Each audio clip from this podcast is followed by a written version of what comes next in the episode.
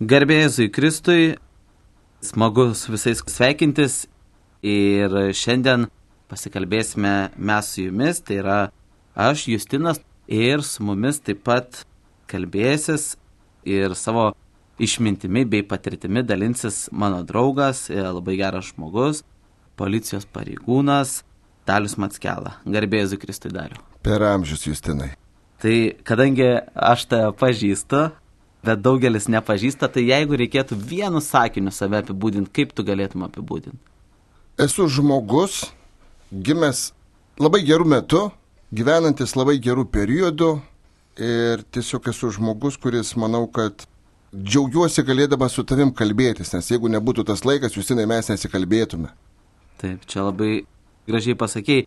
Ir turbūt labai natūraliai tu užsiminėjai apie laiką, aš irgi noriu pradėti mūsų pokalbį nuo laiko, kadangi man yra tekę su tavim ir šiaip bendrauti ir klausyti tavo liudymo, aš žinau, kad tavo gyvenimas tarsi toks padalintas į dvi dalis. Vienokia buvo galbūt paauglystė, kitoks jau tas brandus gyvenimas, bet tiems, kurie tavęs dar nepažįsta, kaip tu galėtum vat, apibūdinti, koks tu buvai paauglys ir kas tave, aš jau čia užbėgu tarsi įvykiams už akių, pakeitė, kad tu iš tokio paauglio, koks buvai, tapai brandus žmogus visiškai kitoks. Kad aš tapau brandus, tai iš tikrųjų dar nėra, aš dar jaučiuosi labai jaunas ir dar nesubrendęs, bet ašgi nesakyčiau, kad dvi dalis, būtų trys turbūt. Yra tas periodas iki paauglystės, mano į paauglystę ir dabar viskas, kas vyksta po visos tos brandos mano formacijos ir paauglystės. Tai tas pirmasis etapas buvo kaip ir visų, labai prižiūrimas tėvų, labai mylimas tėvų, su tam tikrais apribojimais, kadangi berniukas buvau, tai ne viskas yra leidžiama ir galima. Ir žengdamas į paauglystę, aš jau susipažinau su labai daug dalykų, kurie yra, sakykime taip, džiaugiuosi, kad nepažinau jų visų. Nes tai yra mano bičiuliai iš nepilnamečių tardymo izolatoriaus ir kiti bičiuliai yra, kurie yra jau žmonės apie 30 metų, sėdėję įgalinimo įstaigose, bet tikėjimo viltyje radę gyvenimo prasme. Ir aš galvoju, kad tai yra tie žmonės, kuriems nereikia pasakoti, kas gali būti, jeigu būtų. Tai aš džiaugiuosi, kad aš su jais, bet ne su ta patirtimi, kurią tikrai galėjau turėti. Ir nežinau, jeigu dar galiu kalbėti, atsakydamas tavo klausimą, tai žinau, kad tu klausai apie manęs, apie brolį. Tai aš džiaugiuosi, kad mano gyvenime atsirado toks žmogus, mano brolis, kuris suteikia tam tikrąją formaciją man. Visų pirma, mano brolis, jis yra vyresnis už mane, tai aš turėjau savo iki paauglystės tokį kaip ir nedidelį bet visgi autoritetą vyresnį brolį. Žinai, ką reiškia turėti vyresnį brolį, turbūt žino tik tie, kurie turi. Kada tu mokykloje vaikštai truputį platesnis, nes tu vyresnį brolį turi, jisai turi klasiokus, jie yra devintokai, tu esi penktokas, nu tai yra toks labai fainas, iš tikrųjų toks saugumo garantas. Tai buvo iki paauglystės, bet vad paauglystėje aš turėjau tokį savo brolio įvaizdį kaip moksliuko. Ir jis tikrai labai daug mokinosi, bet jo žinios, jo patirtis moksle atnešė man naudą, kad man nebereikia skaityti visų tų knygų, kurias jis perskaitė.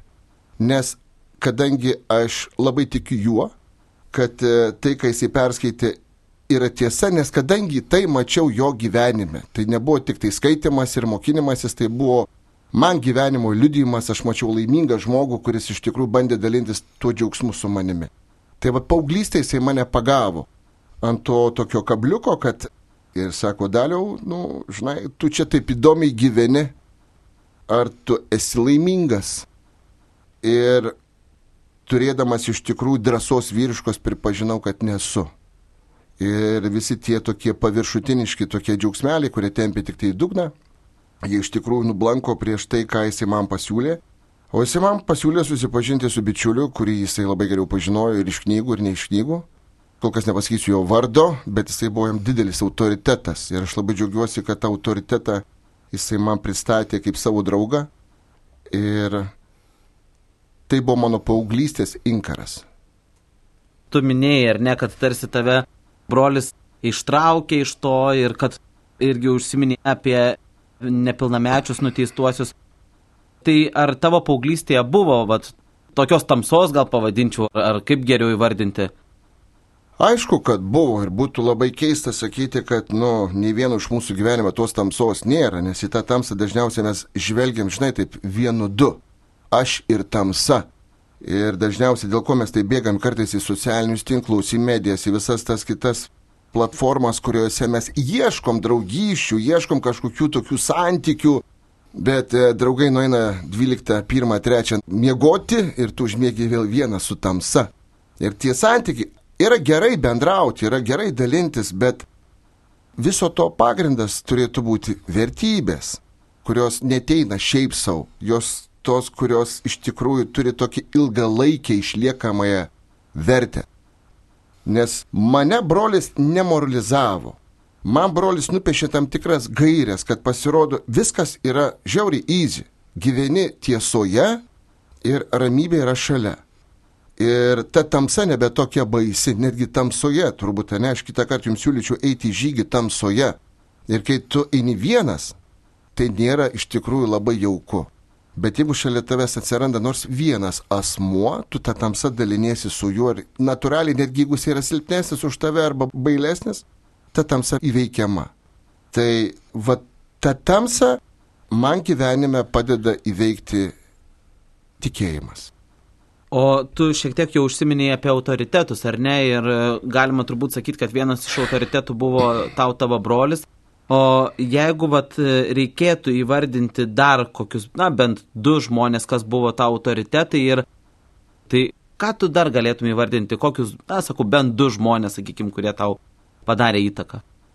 Aš galvoju dabar kaip čia įvardinti, kad neįžeisti mano gyvenime esančių buvusių kitų autoritetų lyderių, ar ne mano gyvenime, tai aš galbūt taip bendratim paimsiu, kad jų yra, jų buvo ir tas pats brolis, jis vis dar yra mano autoritetas ir lyderis gyvenime, tai aš galvoju visgi aš apibūdinsiu tam tikras savybės, kurios man yra toks kaip kartais oras, kai jo pritrūksta, tai turbūt lyderio pagrindinės savybės jos turėtų būti tas sugebėjimą suburti labai skirtingus ir tuos skirtingus subūrus leisti jiems pasijausti nuo tais talentais, kurie yra tos komandos dalis. Nes man lyderis yra žmogus, kuris ne tik kalba apie gerus darbus, bet juos ir daro, nes mes daug ką galim kalbėti, bet žmonės tavim tiki iš to, kaip tu gyveni, kaip tu elgiesi kasdienybėj, mokykloj, darbe, valgykloj ir visose kitose aikštynuose sporto turbūt ar ne. Tai man lyderio savybės yra svarbiausios tai, kad aš sutikęs tuos lyderius, aš supratau, kad aš nesu niekas. Nes savivertė mano paauglystė iš tikrųjų buvo labai labai žema. Aš dėl daug ko labai kompleksavau. Dėl savo išorinės išvaizdos, dėl savo kalbėjimo, dėl savo ėjimo, dėl to apsirengimo, kurį aš tą kartą turėjau, turbūt tuo metu aš dėl visko labai kompleksavau. Šiandien dienai aš suprantu, kad iš tikrųjų tie žmonės man leido susivokti, kad vis dėlto pagrindinės vertybės tai yra tai, kas yra tavo viduje. Nes aš galvoju, žinai, daug kas mes viens kitą kažkaip bandom pagirti, galim pakritikuoti, bet viduje mes kartais jaučiamės tokie įžeisti, kai kažkas pasako skaudų žodį, ar ne? Tai aš galvoju, kas gali suteikti kam teisę sakyti, kad tarkim tu, Justinai, neturi talentų, kad tu, Justinai, neturi gerų savybių. Tai aš manau, kad to nėra. Kokie mes skirtingi bebūtume, mes turim tam tikrų dalykų, kurie ir yra tos komandos dalis. O lyderis ir viso labo žmogus, kuris parodo kryptį, parodo galbūt priemonės, kuriamis galima siekti tikslų. Ir lyderiai neturi būti trumparegiai, tokie, kurie, tarkim, ne Instagramo žvaigždė. Čia yra, čia nėra arba ten sportininkas, čia yra, čia nėra.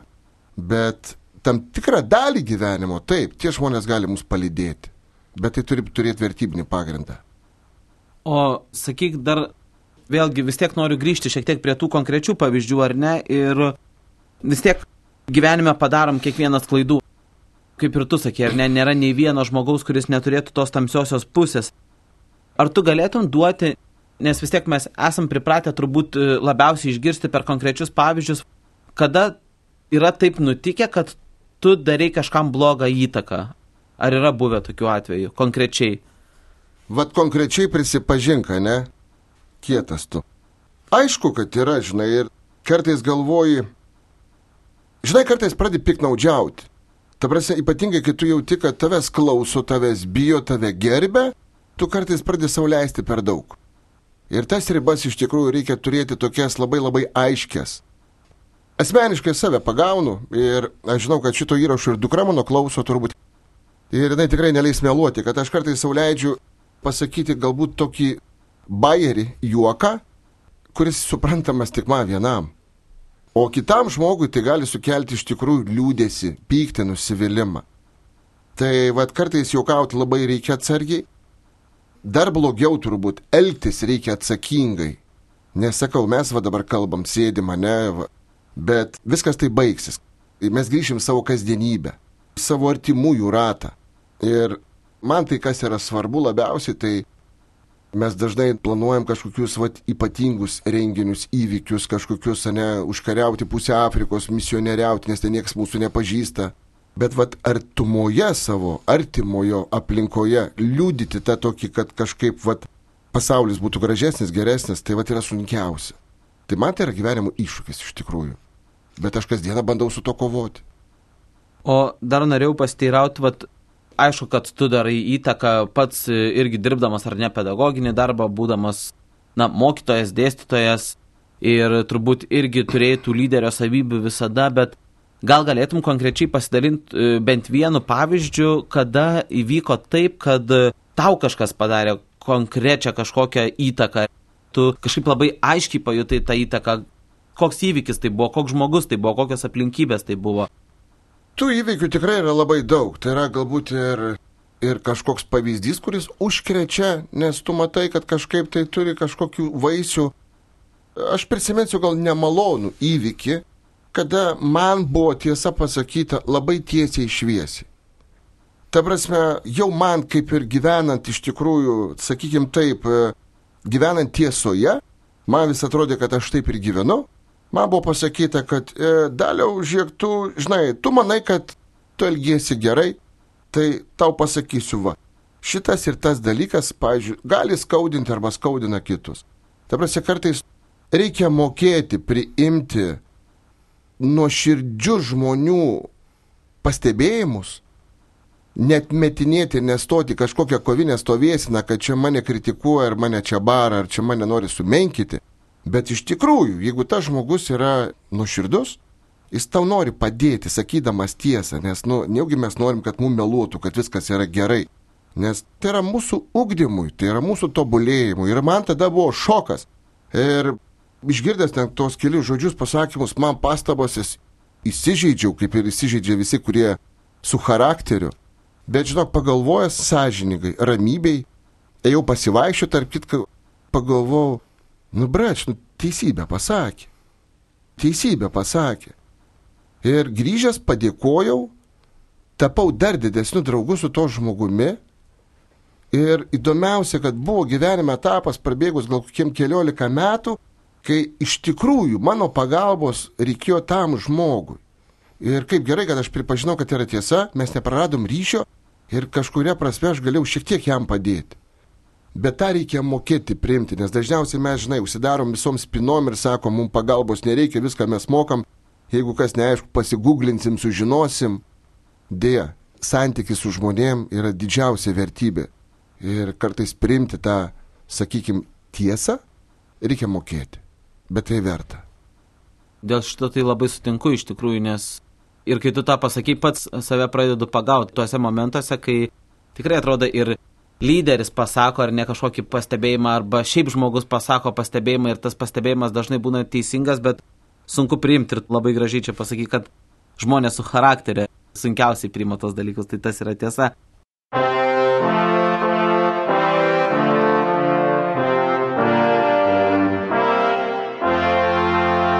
Čia Marijos radijas.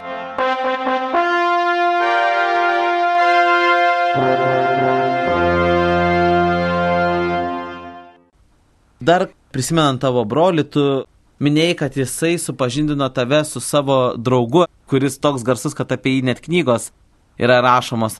Tai gal galėtum išduoti, kas yra draugas, tas lyderis ir kuo jis tau yra ypatingas? galiu išduoti tą paslaptį, tai nieko nekainuoja. Man labiausiai patinkanti istorija iš Evangelijų, nes labai labai būdina gerai mane. Latra, kuris išėjo iš tėvo namų, tėvas turėjo du sūnus, sūnus vienas liko su tėvu, tada tas sūnus viską ištaškė, išdaužė, grįžo, prašė primamas ir sako, darysiu bet ką, bet tas tėvas pasako, ne, tu ne bet kas, tu esi mano sūnus. Ir tada šalia esantis sūnus įsižeidė, nes jis toks buvo geras ir už tai jisai nieko, ne. Tai tą evangeliją aš pabandysiu iš perspektyvos savo perfrazuoti, kad mano gyvenime šalia tėvo buvo tas mano brolis ir tas sunus mano brolis, ar ne? Tas, kuris likęs namuose. Bet jisai nebuvo tas, kuris liūdėjo. Jis buvo tas, kuris džiaugiasi. Nes mano brolis, sužinojęs, kad visgi aš sutinku draugauti su jo bičiuliu, jisai apsidžiaugė, jisai nepasakė, kad mes dabar dviesi turėsim tą patį draugą, žinai, kaip čia gausis, žinai, kaip čia taip gaunasi ir tėvas. Žodžiu, ta istorija man patinka tai, kad aš grįžęs apsisprendęs. Aš sutikau savo lyderį, tikrąjį lyderį. Žmogų, asmenį, kuris niekada neapgaus, niekada neišduos, niekada nevėluoja, niekada nepalieka, visada pagodžia, visą laiką sako tiesą ir jo vardas yra Jėzus. Jėga. Labai gerai. O dabar, na, duosiu tau tokį testuką lengvą padaryti, jisai turės tik tais tris atsakymus arba ketvirtą, jeigu tu manai, kad nei vienas iš mano pateiktų netitiks galbūt tiksliai tavo elgesio. Jeigu, pavyzdžiui, tau reikėtų išsirinkti dabar, kaip tu veiki bažnyčioje, tai pirmas būtų A variantas. Toks pasišventęs krikščionis, kuris gyveni pagal Kristaus mokymą, visada meldiesi du kartus mažiausiai, žodžiu, visi tavo sprendimai paremti tik tais krikščioniškais principais, esi paprastas, drasus, toks tobulas, tobulas tiesiog žmogus, praktiškai, kaip ten sako, liaudės sparnų te trūksta. B variantas gal šiek tiek toksai liūdnesnis, bet, na, irgi turbūt sutinkamas, tai yra toks, na, griežtokas gal žodis būtų nevykėlis, bet tas, kuriam nepavyksta, kuris greit pasiduoda, kuris imasi, bet nepavyksta, tada nebenori imtis, tada turi praeiti daug laiko, kad vėl imtumėsi, sakykime, ir tas, kad darai klaidas, iš jų ne visada pasimokai. Ir C variantas būtų toks iniciatorius.